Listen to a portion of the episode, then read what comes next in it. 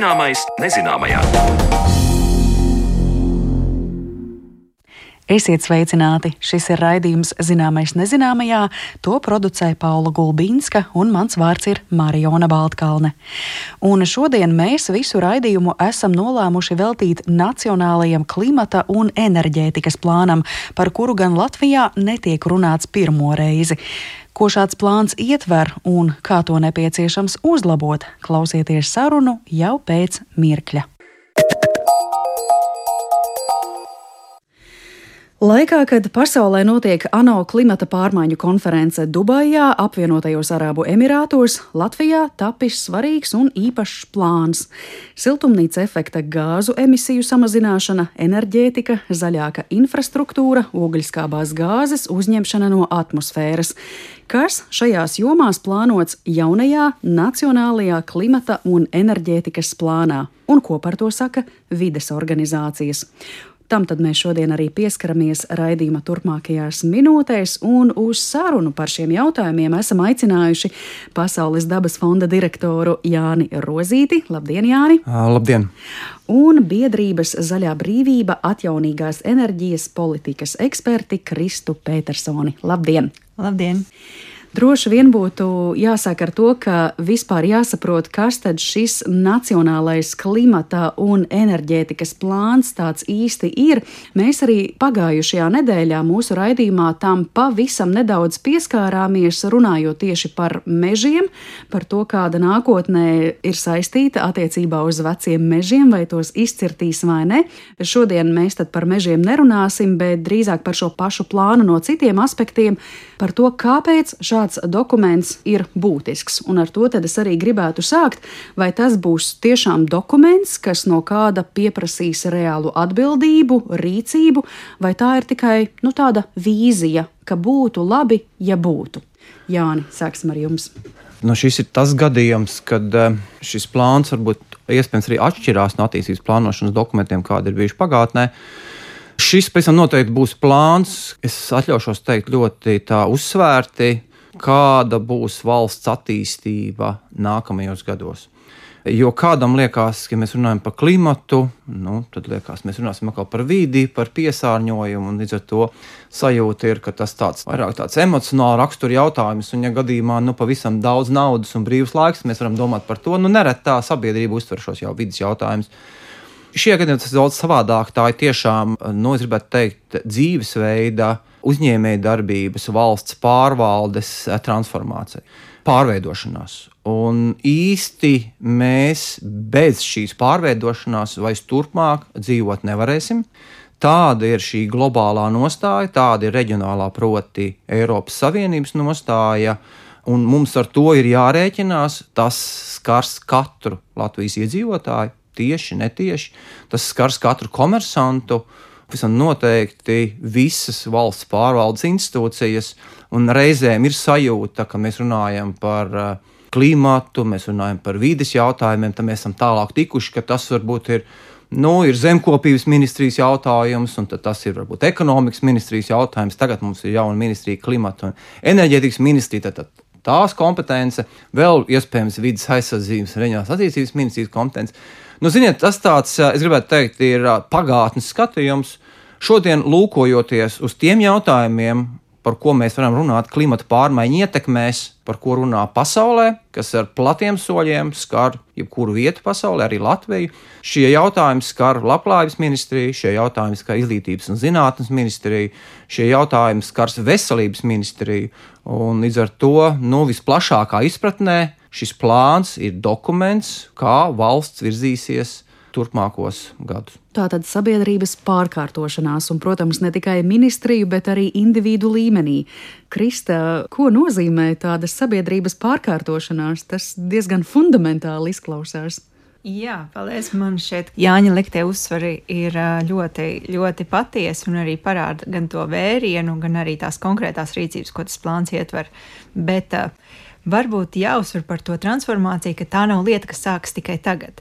Jo jau arī pats plāns ir spēkā no 20. gada, un tagad mēs runājam tikai par tā atjaunoto versiju.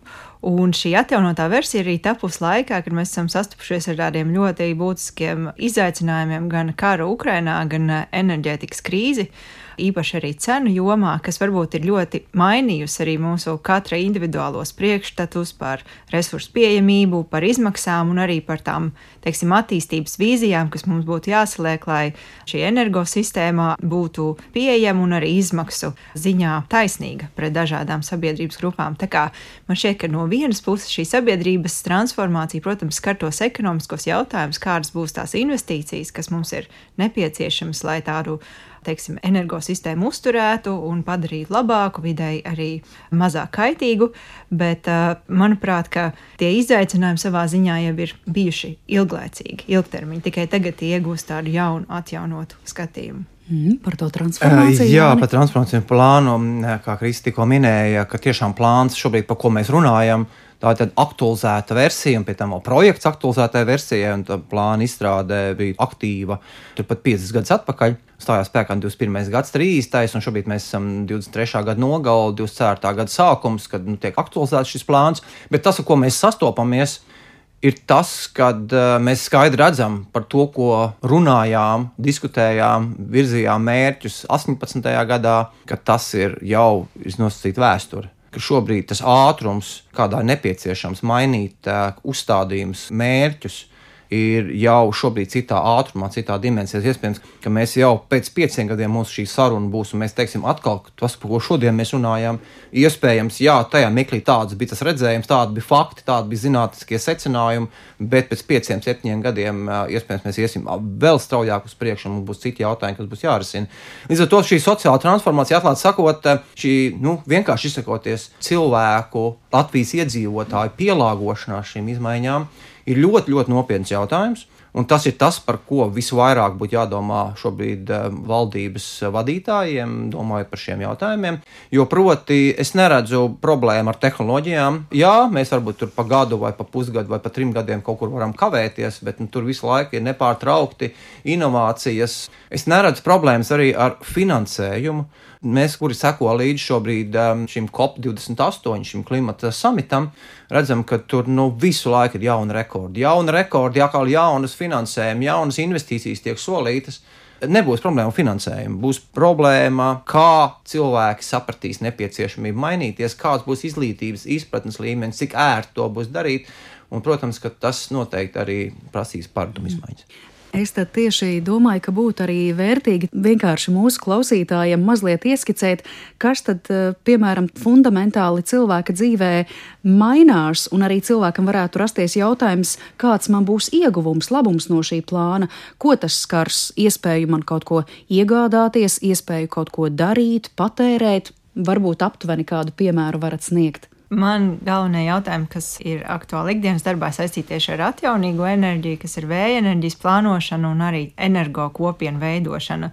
Un tas energo kopienu princips faktiski paredz tādas plašākas iespējas uh, pašražotājiem, arī nelielu saules īpaši elektrostaciju izmantotājiem veidot tādus viedākus un varbūt apkārtējai videi piemērotākus enerģijas projektus. Tā kā no vienas puses, manuprāt, šis plāns faktiski ir tāda ļoti kompleksa arī institūcija darba programma, kas ir jāpaveic gan regulējumu, gan arī dažādu atbalsta mehānismu jomā, lai tas katrs varbūt iedzīvotājs, dažādas sabiedrības grupas un vienkārši varbūt kāda ekonomiski aktīva vienība varētu tajā energosistēmas pārveidē piedalīties un iesaistīties ne tikai kā gala patērētājs, bet arī kā tāds jau ar vien tāds zinošāks veidotājs. Tā kā man liekas, ka būtisks tās jaunās iespējas, kas arī katram no mums varētu rasties, bet arī tas sociālais akcepts par pārmaiņām un atjaunīgās enerģijas jomā droši vien tas skar arī teiksim, vēja parku attīstības procesu, ka šobrīd ir ļoti aktuāls jautājums, kur sabiedrības iesaiste ir ļoti būtiski, nepieciešama, bet arī neviennozīmīga vai nevienkārši jautājums, jo Latvija nav izņēmums, tāpat arī kā daudzās citās Eiropas valstīs un citviet, tomēr vēja enerģija nav vienkāršs risinājums. Tas ir nepieciešams risinājums, bet kā atrast piemērotāko novietojumu, kā plānot šīs jaunās energosistēmas, lai arī vietējie iedzīvotāji pašvaldības būtu ieguvēji, apmierināti un lai šī jaunā infrastruktūra neradītu papildus slodzi uz dabas vērtībām. Nu, tie ir jautājumi, kas man šķiet tādi ļoti, ļoti sasieti ar to arī mūsu, varbūt pat ikdienas dzīvi un apkārtējās vidas uzsver, bet faktiski tā vēl ir tikai tāda maza daļa no tā, ko plāns aptver. Jo tā vēl viena lielā joma, par ko noteikti ir vērts arī runāt, ir energoefektivitāte, tīpaši ēku stāvoklis, kādas ir tās ēkas būves, kurās mēs dzīvojam, strādājam, un kur ņemt tos resursus, zināšanu, finanšu visus, lai tās padarītu ilgspējīgākas un arī dzīvei piemērotākas. Nu, tā tad no vienas puses tas sanāk, šī sabiedrības transformācija tādā individu līmenī nozīmē, ka mēs esam arī aktīvāki un iesaistāmies lēmumu pieņemšanā, galu galā par to, ko mēs, piemēram, patērēsim, vai mēs būvēsim vēja parku, vai mēs kā kopiena arī to atbalstām, un no otras puses, ka mēs to pēc tam arī reāli patērējam. Jā, noteikti, tāpēc, eh, ka tieši šī patēriņa puse vai pieprasījuma puse, tas eh, kļūst ar vien tāds karstāks temats visā arī lielajā politikas veidošanā. Teiksim, tieši tas, kur rodas pieprasījums pēc enerģijas, tie pakalpojumi, visas tās dzīves jomas, kaut vai dzīvojamā vide, visa ēku sektors, arī sabiedriskais sektors, protams, arī ražošana un pati enerģētika kā tāda. Bet te jāsaka, ka varbūt tas sarežģītākais, tas karstais kartupēlis neatrisināmais, lai mēs patiešām teiktu, ka mēs esam varbūt tādi izcilnieki, vai ka mums veicas pārējā uz atjaunīgiem energoresursiem, fosilās enerģijas īpatsvaru samazināšanā, ka tā karstā tēma ir transports. Jo arī Latvijā mēs varam ražot daudz elektroenerģiju, bet, lai transporta sektors mainītos, mums būtu jāizdomā, kā mēs varam samazināt tīpaši dīzeļdegvielas patēriņu, kas ir ļoti sarežģīti un pat nav sasniedzams vien, ja arī būtu daudz vēja parku un ja vēja enerģijas apjoms nākamajos gados patiešām palielināsies transportā, salīdzinot ar citiem, teiksim, siltumapgādi, arī elektroapgādi, šis atjaunīgo enerģiju īpatsvars ir ļoti neliels. Mums ar vienu vēl ļoti maz elektroautorātu, un arī, teiksim, nav daudz citu alternatīvu, piemēram, biometāna izmantošana. Tā kā tieši tā transporta joma, tā ir tā komplicētākā, bet transports, tā ikdienas mobilitāte, tā ir tā, man liekas, kas papildus ēkām, dzīvojamām vidē mūs skar vistiešāk. Kā nokļūt no vienas vietas uz otru īstajā laikā, īstajā vietā un arī ērtā veidā, teiksim, izvairoties no pārliekām izmaksām, bet arī neradot piesārņojumu. Mm -hmm. Nu, redz, Krista pieminēja mobilitāti, un tad es tieši arī tālāk gribētu mazliet paķidāt šo plānu, jo ir skaidrs, ka tas vēl ir procesā, tas vēl tiek pilnveidots un attīstīts, tāpēc es jums lūgtu mazliet abiem pavērtēt, kas tad tajā ir vērojams šobrīd pozitīvi, kas negatīvi, nu, piemēram, ja atkal atsaucamies uz mobilitāti, uz enerģētiku, infrastruktūru, protams, protams, arī siltumnīca efekta gāzu emisiju mazināšana ir jau tur vērojams, jā, šis tiešām ir labi, un šis nu vēl nav īsti, tas ir jāpapildina šajā plānā. Jā, es eh, mazliet vēl varu teikt, tādā pārējā no Kristus teiktā, pāriešu uzreiz arī uz jautājumu atbildēšanu. Manā skatījumā, tad, ja mēs tā konkrēti, kas ir plānā, tad, tad eh, pavisam konkrēti ir atrunāti mērķi. Kāda mums būs, piemēram, atkrastes vēja, kad mēs virzamies tālāk ar atkrastes vēju, proti, ar vēja ģeneratoriem jūrā, Tas ir tāds jautājums, kas nu, ļoti karsti tiek diskutēts. Tur ir nu, nosacīti mērķi, kad mēs to darām. Šobrīd mēs ejam ar vienu projektu, Elvinu projektu, bet uh, tāpat laikā ir, ir skaidri noteikts, ka uh, mēs virzīsimies jau konkrētākiem soļiem arī ar citiem vēja parkiem jūrā. Vismaz noteikti kaut kādu tiesisko regulējumu un kāda ir tā virzība. Tas tur ir stāsts par enerģijas ražošanu. Jā, tur, ir, tur ir mērķis 40. gads kaut kā tālāk jau praktiskām rīcībām, bet uh, nu, šajā periodā ir noteikti jāizdara mājas darbs, lai mēs varētu līdz 40. kaut ko paveikt. Tad pavisam noteikti pieminētie transporta jautājumi. Tur ir jautājumi uzdevumi dzelzceļam, kas jādara, kā jāpārveido dzelzceļš, kādu mēs sagaidām.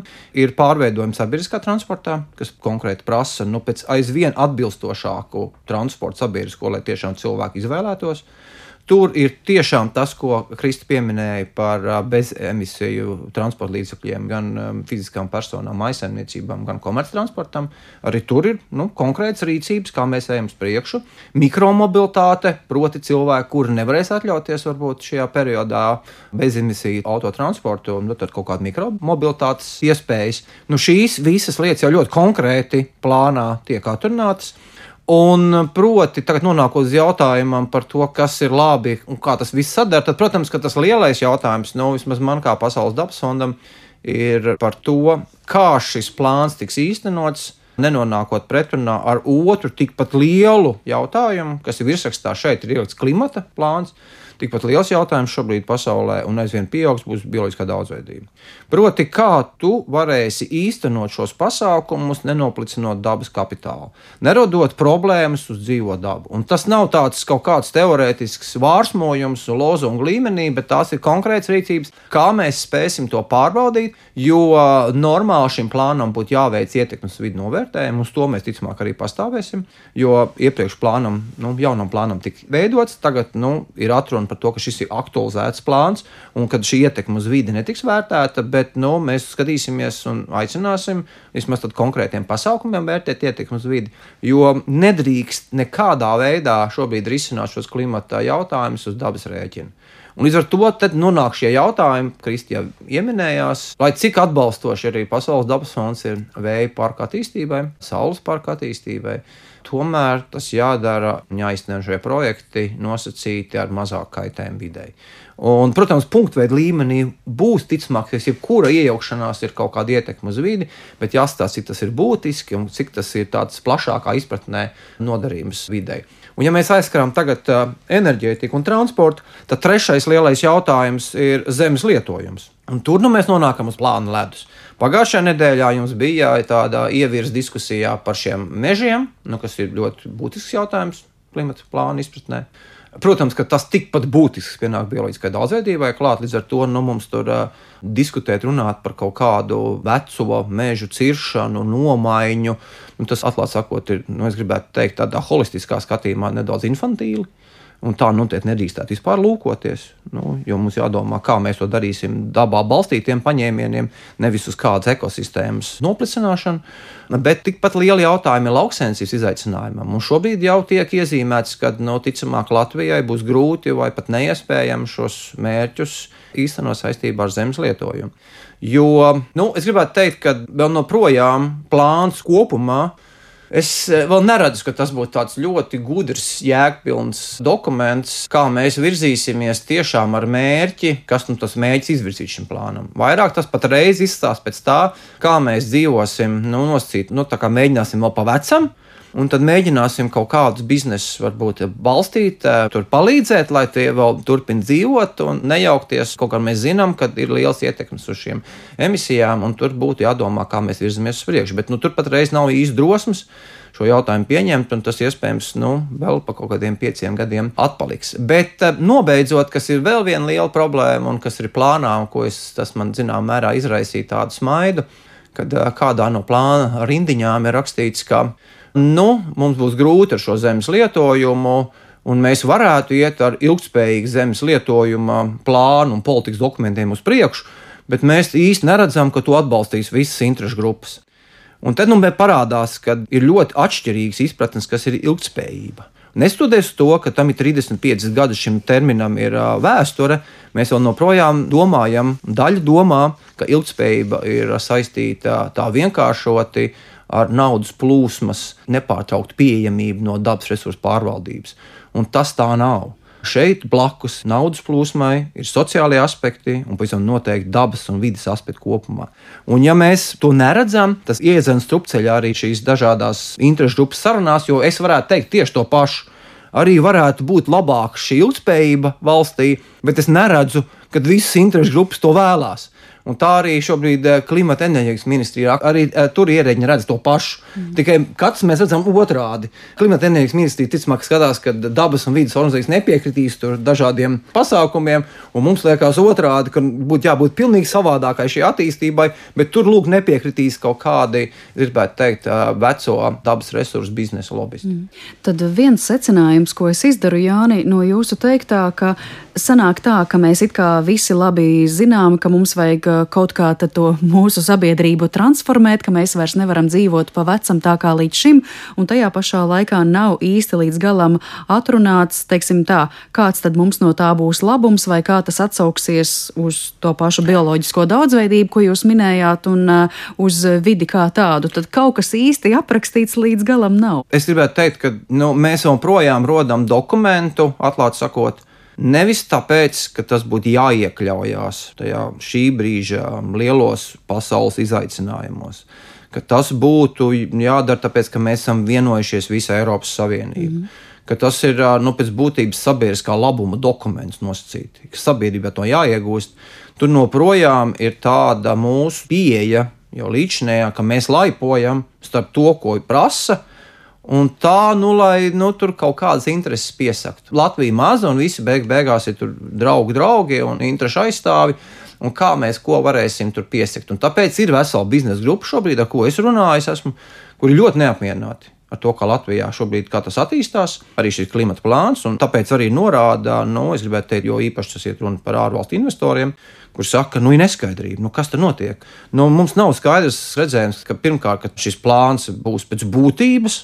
Un otrkārt, kad um, nu, visu laiku ir vēl kaut kādas neskaidrības, atrunas, ka mēs neejam, kā būtu jāiet, kā vispār pasaulē biznesi virzās, un arī valsts pārvaldes. Mēs vairāk tur nu, kaut kā cenšamies kā kaut ko piemānīt un kaut kam kaut ko palīdzēt, nevis dot skaidrs signāls. Jo, jo mēs ilgāk čamāsimies un kaut kā grūstīsimies muļāsimies, Jo nākotnē tas periods, kad mums būs jābūt ātrākiem, viņš saīsināsies. Un tas ir milzīgs risks, tad to trakāk būs sabiedrībai grūtāk pielāgoties ja tu ilgākā laikā tu, tu nemanāmi sāc akceptēt dažādus eh, notikumus. Mm. Ja tu esi nu, tur velc, velc, velc, velc, velc un tu pasaki, nu tagad pēc diviem gadiem būs tas un pēc gada tas, protams, ka sabiedrība ir neapmierināta un līdz ar to mēs varam runāt ar milzīgu, nu jā, es pat eh, tā arī dažādās autorijas esmu uzsvērs. Mums var sagaidīt milzīgu sabiedrības neapmierinātību ar šīm pārmaiņām, tāpēc, ka cilvēki nav iesaistīti, nav informēti, un tad būs pēkšņi liels pārmaiņas nepieciešams. Mm. Krista, es līdz ar to raugos uz eh, jums. Mums arī bija vasarā saruna tieši par eh, vēja parku izveidi. Toreiz tandēmā sarunā ar jums kopā piedalījās eh, arī ornitologs un sikspārņu eksperts, un mēs tieši tajā sarunā arī izcēlām, ka, lai veiksmīgi, piemēram, darbotos šī vēja parku izveide, tad ir svarīga, kā mēs bieži vien sakām, nākšana pie viena sarunu galda un skaidrošana, kāpēc mums to vajag un ka mēs, piemēram, saglabāsim dabas daudzveidību un tā tālāk. Tagad Tagad Jānis arī atsaucās uz to bioloģisko daudzveidību. Kā jūs redzat, tad šajā plānā kaut kas tiešām arī vēl līdz galam, piemēram, nav atrunāts par to pašu vēja parku izveidi vai kādiem citiem jautājumiem? Es noteikti piekrītu Jānim.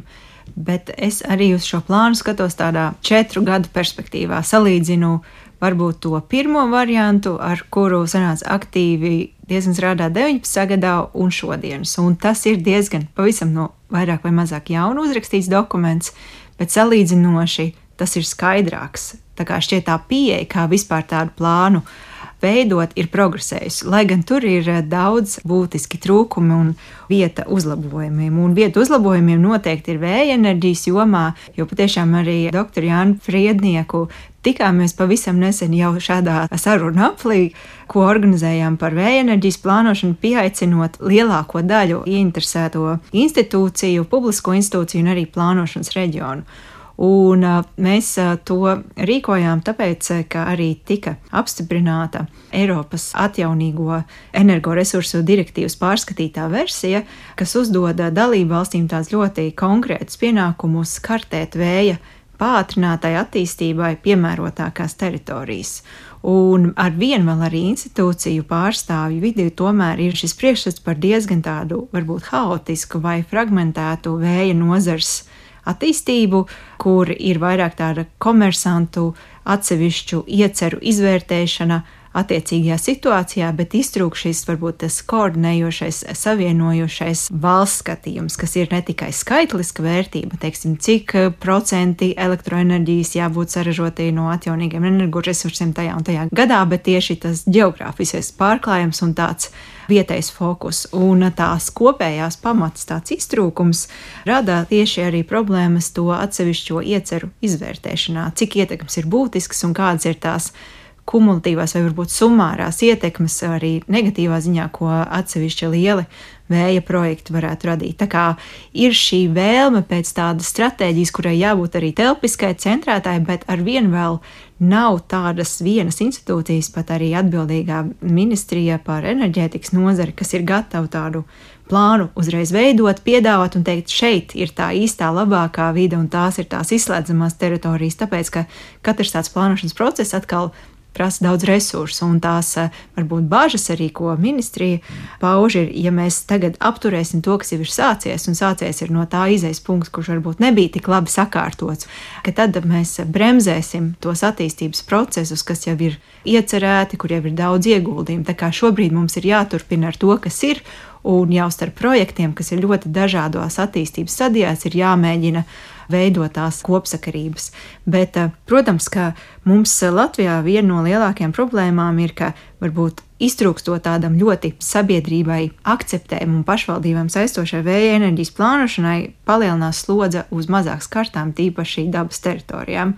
It kā tālāk no acīm, lai būtu mazāk protestu. Un tā varbūt ir diezgan slikta lieta, jo faktiski tai pātrinātai attīstībai vajadzētu maksimāli virzīties uz degradētākām teritorijām, tādām, kur tieši apdraudējums dabas vērtībām mazāks. Kā to sasniegt, tas ir lielais izaicinājums, bet es domāju, ka tomēr arī to institūciju vidū, kas ir patiešām atbildīgas un kas ar to strādā, tā izpratne par to uzlabojas arī caur piemēriem, izvērtējot konkrētus projektus. Jo pat vēja enerģijas industrija ir salīdzinoši jauna Latvijā, tā kā es domāju, problēmas pastāv, bet arī tas kopējais zināšanu un arī nodomu līmenis uzlabojas. Mm. Liels jautājums, protams, var būt par naudu. Kā Kādi to ir visu, līdzekļi? kādi ir tiem visam līdzekļi? Un varbūt klausītājiem nebūtu jāsatraucās, ka tas varētu tiešā veidā skart ļoti ietekmējoši Latvijas iedzīvotāju. Es domāju, ka valsts budžets būs tikai, teikt, viena no sadaļām, jo tur noteikti būs finansējums, Eiropas Savienības finansējums. Eiropas Savienības finanšu institūciju, dažādi instrumentu finansējums. Tās var būt arī dažādas eh, publiskās, privātās partnerības. Un jau šobrīd mēs varam to finansējumu sadalīt trīs lielās grupās.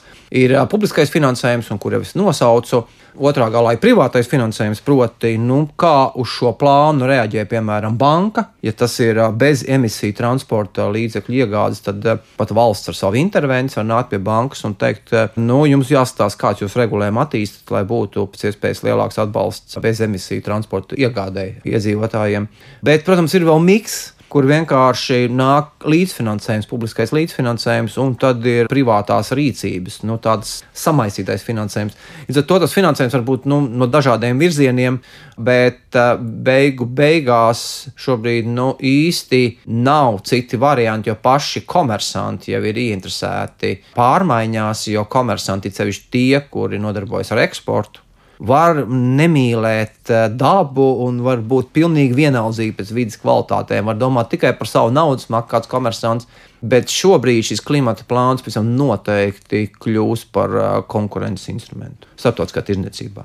Jo tas pirmkārt būs Latvijas tēls, un otrkārt tas būs arī pēc būtības konkurences instruments, kurš skatīsies viens uz otru pāri plecu. Nu, ja es daru savā valstī vai savā biznesā, ko tu tur dari, un, protams, šobrīd vēl nākamais ir visi šie biznesa ziņojumi, kas būs jātīstā, tūliņ pat uh, ilgspējības ziņojumi, kur būs visas ķēdes jāsako līdzi tām ietekmēm. Tas ir diezgan liels izmaiņas. Un tas nozīmē, ka arī Latvijas uzņēmums ražojot tikai izējuma materiālu, un viņš atdod to izējuma materiālu Nīderlandes vai Vācijas kaut kādam koncernam, viņam būs jādod skaidrs pierādījumi, ka kāda ietekme uz klimatu, tālāk iespējams arī uz dabas jautājumiem ir šiem izējuma materiāliem. Kādas tad, piemēram, var veidoties sankcijas, ja mēs kaut ko no šīm prasībām neizpildām, un vienlaikus arī kā ar visu šo veicas eh, citām valstīm. Mums, piemēram, kā Krista teica, vēja parki varbūt ir kaut kas jauns, bet kā citām valstīm klājas? Kā jau Jānis minēja, patiešām tas eh, nacionālais enerģētikas un klimata plāns no vienas puses varētu būt tāds valstu CV vai mhm. tāds mm profils, jo katrai Eiropas Savienības dalību valstī tādam plānam ir jābūt. To paredz regula par enerģētikas savienības pārvaldību, un to plānu struktūra ir vairāk vai mazāk identiska katrai valstī. Un tos ir pietiekami interesanti, bet arī uh, nedaudz izaicinoši salīdzināt, jo tie ir patiešām tādi apjomīgi un uh, specifiski dokumenti. Un Latvija ir viena no tām valstīm, kura šo atjaunoto versiju ir sagatavojusi gandrīz vai pati pēdējā. Un tad mūsu Baltijas ietveros varam salīdzināt arī ar Igauniju Lietuvu. Tur nedaudz laicīgāk tika šie atjaunotie projekti arī iesniegti Eiropas komisijai izvērtēšanai un, un arī apspriesti. Un man šķiet patiešām, ka šo plānu kvalitāti no vienas puses, protams, raksturo tieši pašu mērķu vērtības, teiksim, kāds ir pieaugums salīdzinot pret iepriekšējo posmu, bet arī tiešām tā vīzija, ambīcijas un tas varbūt tvērums un tas kopīgais vēstījums. Un tad vismaz man tā lasot, salīdzinoši ar Igaunijas un Lietuvas plāniem, jāsaka, ka Latvijas plāns ir diezgan piesardzīgs, arī pieticīgs arī tajās ambīcijās, teiksim, uz pašu to energosektoru pārveidi. Gan Igaunija, gan Lietuva paredz, ka līdz 2030. gadam elektroenerģijas gala patēriņā būs 100% atjaunīgi energoresursi, bet esošā vērtība tiem ir zemāka nekā Latvijā. Savukārt Latvija saka, ka jau bāzes scenārijs, tas nozīmē tas scenārijs, ja turpināsies iesāktie pasākumi pie esošām politikām un nosacījumiem, saka, ka nu jā, Latvijā varētu būt ap 73% atjaunīgi atjaunīgās elektroenerģijas. Tā kā savā ziņā, nu vismaz eh, tajā elektrifikācijas jomā Latvija ir tāda diezgan piesardzīga.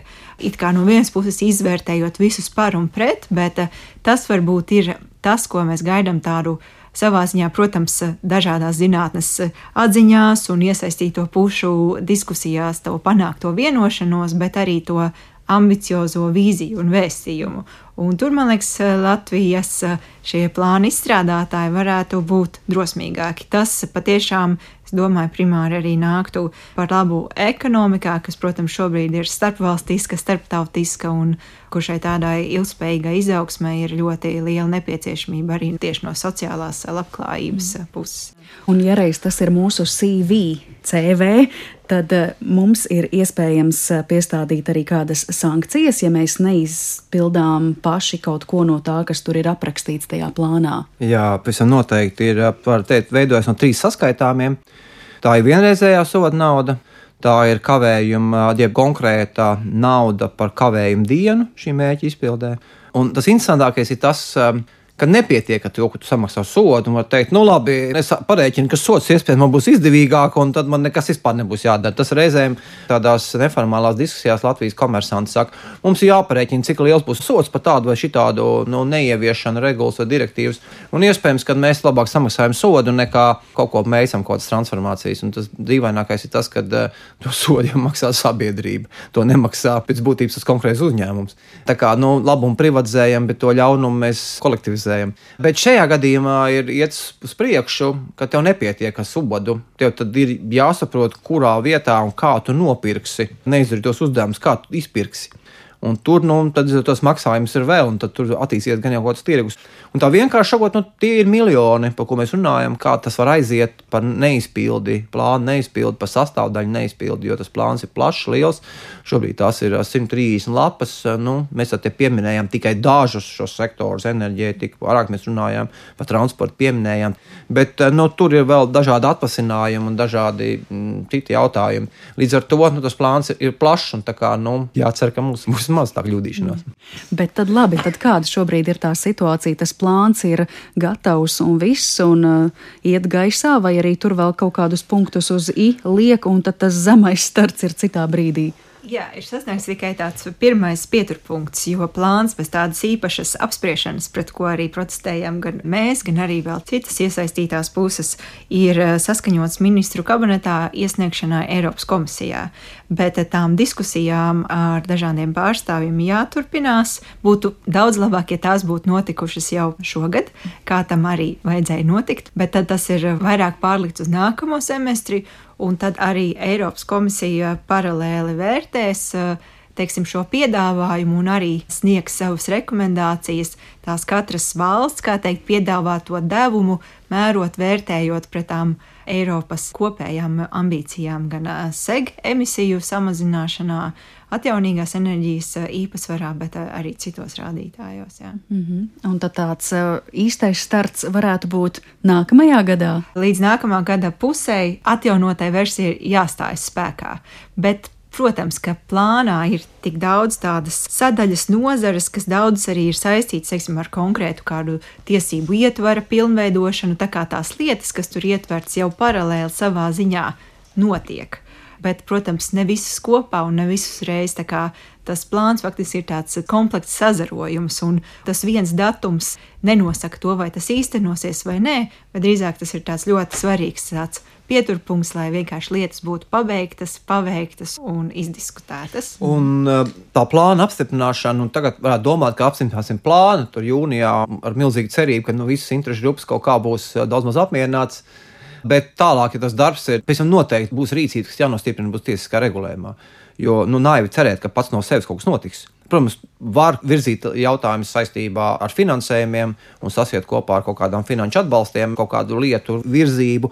Bet arī tur, lai mēs publisko finansējumu atbrīvotu, arī tur ir nepieciešams nu, konkrēti noteikumi, ministrs kabineta vai kas atrunā šo rīcību, šos mērķus un tam līdzīgi. Tā kā, nu, jo mēs ilgāk velkam šo kā, izstrādi, apstiprināšanu, jo aizvien vēl tālāk velkās šī tiesiskā regulējuma iestrādes, varbūt arī kaut kāda politikas dokumenta jāpamaina. Tā kā tas jautājums ir vēl smagāks par to ieviešanu, arī par to starpdisciplināritāti un arī, protams, par konkrētiem uzdevumiem mm. ar ministru kabineta noteikumiem. Galu galā mums ilgtermiņā ar to būs jādzīvo, un jūsu abu stāsta laikā es kaut kā atkal atgriežos pie tās sarunas, kas mums bija pagājušajā nedēļā raidījumā par vecu mežu saglabāšanu. Arī tur viesturs ķerus runāja, ka Veidojot šos plānus un dokumentus, kaut kā reizēm ir sajūta, ka tiek runāts dažādās valodās, un tad beigās mēs arī nonākam pie tā, par ko jūs šodien minat, ka kaut kas ir, bet īsti līdz galam nav, un tad liekas, nu kāpēc atkal nav, nu kāpēc nevar līdz galam kārtīgi izdarīt. Bet tas noteikti šobrīd mēs dzīvojam tajā periodā, kad ir skaidri uzdevumi, beidzot tai fāzē, no tā, ka mēs esam ilgi runājuši, mēs ilgi esam ņēmušies, un tur arī zinātniski pētījumi, un ir bijis plāns plānošanu, mēs nonākam līdz rīcībai. Un jo mēs tālāk iesim rīcībā, jo būs aizvien lielāka atsitieni, jo pēc tam noteikti ir vecie biznesi un jaunie biznesi. Biznesi, kas ātrāk transformēs, kas nevēlas transformēties, un līdz ar to būs milzīgas lobbyistu cīņas.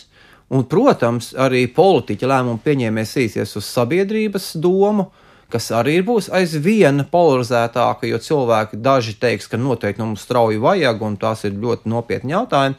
Daži teiks, ka nu, kur nu mums kāds tur klimats, kāda tur daba, mums tur ir tik daudz sociālas lietas.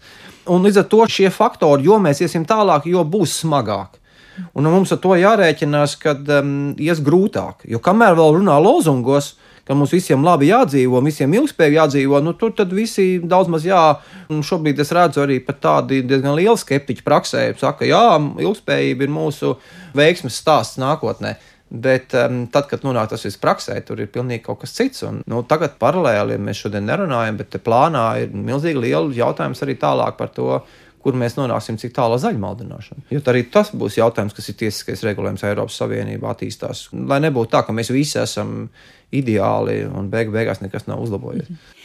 Sarunas eh, noslēdzošajās minūtēs es gribētu pieskarties eh, vēl citam jautājumam, ko ieskicēju ievadā. Tātad eh, šobrīd notiek vēl viens cits globāls klimata pasākums, kas pulcē teju visas pasaules valstu vadītājus. Tātad Dubajā, apvienotajos Arābu Emirātos, ANO klimata pārmaiņu konference jeb COP28. Jāsaka, netrūks cilvēku, kuri uz visu šo pasākumu raugās ar neticību jau tāpēc vien, ka par fosīlo kurināmo mazināšanu diskusijas notiek naftas valstī, kurai noteikti nav plāns tuvākajos gados atteikties no naftas. Bet eh, es jums lūgtu komentēt eh, uz kādu tendenci vispār norāda šī gada konference, teiksim, vai Tur tiek runāts, ka mēs tomēr mēģinam sasniegt uh, tos mērķus, kas tika izvirzīti Parīzes uh, nolīgumā 2015. gadā, kas tā tad runāja par uh, mērķi nepieļaut kopējo planētas sasilšanu virs diviem grādiem, ieteicams līdz pusotram grādam, samazināt oglekļa dioksīda emisijas līdz to neutralitātei 2050. gadā jau tiek runāts, ka šie mērķi visticamāk netiks sasniegti. Kāds ir jūsu vērtējums par šo? Nu, Atklāti sakot, um, katrs šis samits ir atšķirīgs. Un šoreiz tās iezīmes ir, nu labi, pirmkārt jau ir milzīgi liels apmeklētāju skaits. 100 tūkstoši cilvēki ir tikai vienīgi tajā delegācija galā, un plus vēl ir uh, daudz dažādi, var teikt, ļaudis, kas ieradušies vienkārši kā līdzsekot notikumiem. Iespējams, ka būs apmeklētākais pasākums vēsturiski, liels arī dalību valstu skaits. Un kas šobrīd virzās interesanti, kad ļoti tā, vismaz šobrīd, viegli norit sarunas par naudu kas tā ļoti zīmīgi ir. Un parādās arī tādas pilnīgi jauna veidola naudas ar jaunām izcelsmēm. Līdz ar to nu, dažādi biznesi ir saskatījuši, ka šis ir veids, kur ieguldīties, investēt. Un tā, kā, nu, tā puse, tā naudas puse tur virzās un kaut kā tie atkal solīts uz priekšu. Protams, arī tur paralēli ir arī jautājumi par lauksaimniecību, pārtiks drošību ir vesela diena par veselību un klimatu pārmaiņām, un, un tiešām tiek analizēta visas ietekmes uz sociālām sistēmām. Un tas ir tāds zīmīgi, bet tas galvenais, ko man liekas, jebkura vidas organizācija sagaida, un tie cilvēki, kas seko līdzi, nu, precīzi, nauda ir instruments, un viss joms, par ko mēs runājam, ir svarīgs, bet jautājums ir, vai mēs tiešām ar individuālo nacionālo finansējumu, ar valsts grupu finansējumu, proti, domājot par Eiropas Savienību, vai mēs tad ejam uz tiem 1,5 grādiem vai neejam? Kāds būs nu, tas groziņu vakars, kur visi ierodās, tā, kas tajā groziņā ir un vai tas groziņš spēs nosakt vajadzības? Un šobrīd ir, ir tā, ka nu, tas tiek no dienas uz dienu celts uz priekšu. Un visu laiku ir formāls sarunas, ir entās neformālās sarunas, un bilaterāls un multilaterāls un milzīgas tirzniecības. Un tur vēl nav patreiz tas. Un kad diena mainās tie paragrāfi, cilvēki sako līdzi, saka, tur nu, tāda bija tāds kosmiska pieeja visiem jautājumiem, jo tur nu, viens uz otru skatās. Šis tiešām ir kolektīvs jautājums.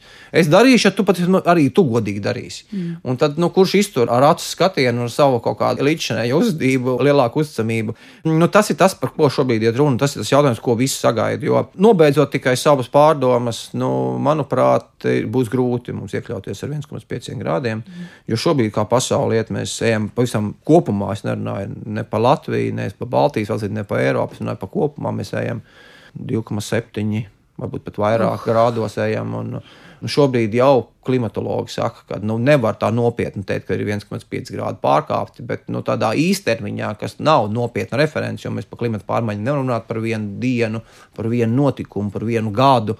Mums jārunā ir nu, desmitgadēs nu, par tiem virzību. Bet no nu, tādā hobija līmenī klimatoloģija saka, ka mēs jau esam pie tiem 1,5 grādiem. Nu jā, tad liekas Tad... amizanti, kāpēc visu laiku atsaukties uz Parīzes nolīgumu. Jā, ja redzam, bet, bet tas ir kļūdaini. Es redzu, ka dažādi viedokļi līderi Latvijā emocionāli izsakās. Mm. Un tas ir diezgan bīstami. Emocionāli izsakās, ka nu, tad nav vairs ko metamies pielāgošanās. Labāk tagad vairs nav ko domāt par emisiju samazinājumiem. Viss šī mūsu līdzinājā saruna pa plānu, tā būtu otršķirīga. Tagad jāmetās mums ir, kā mēs pielāgosimies.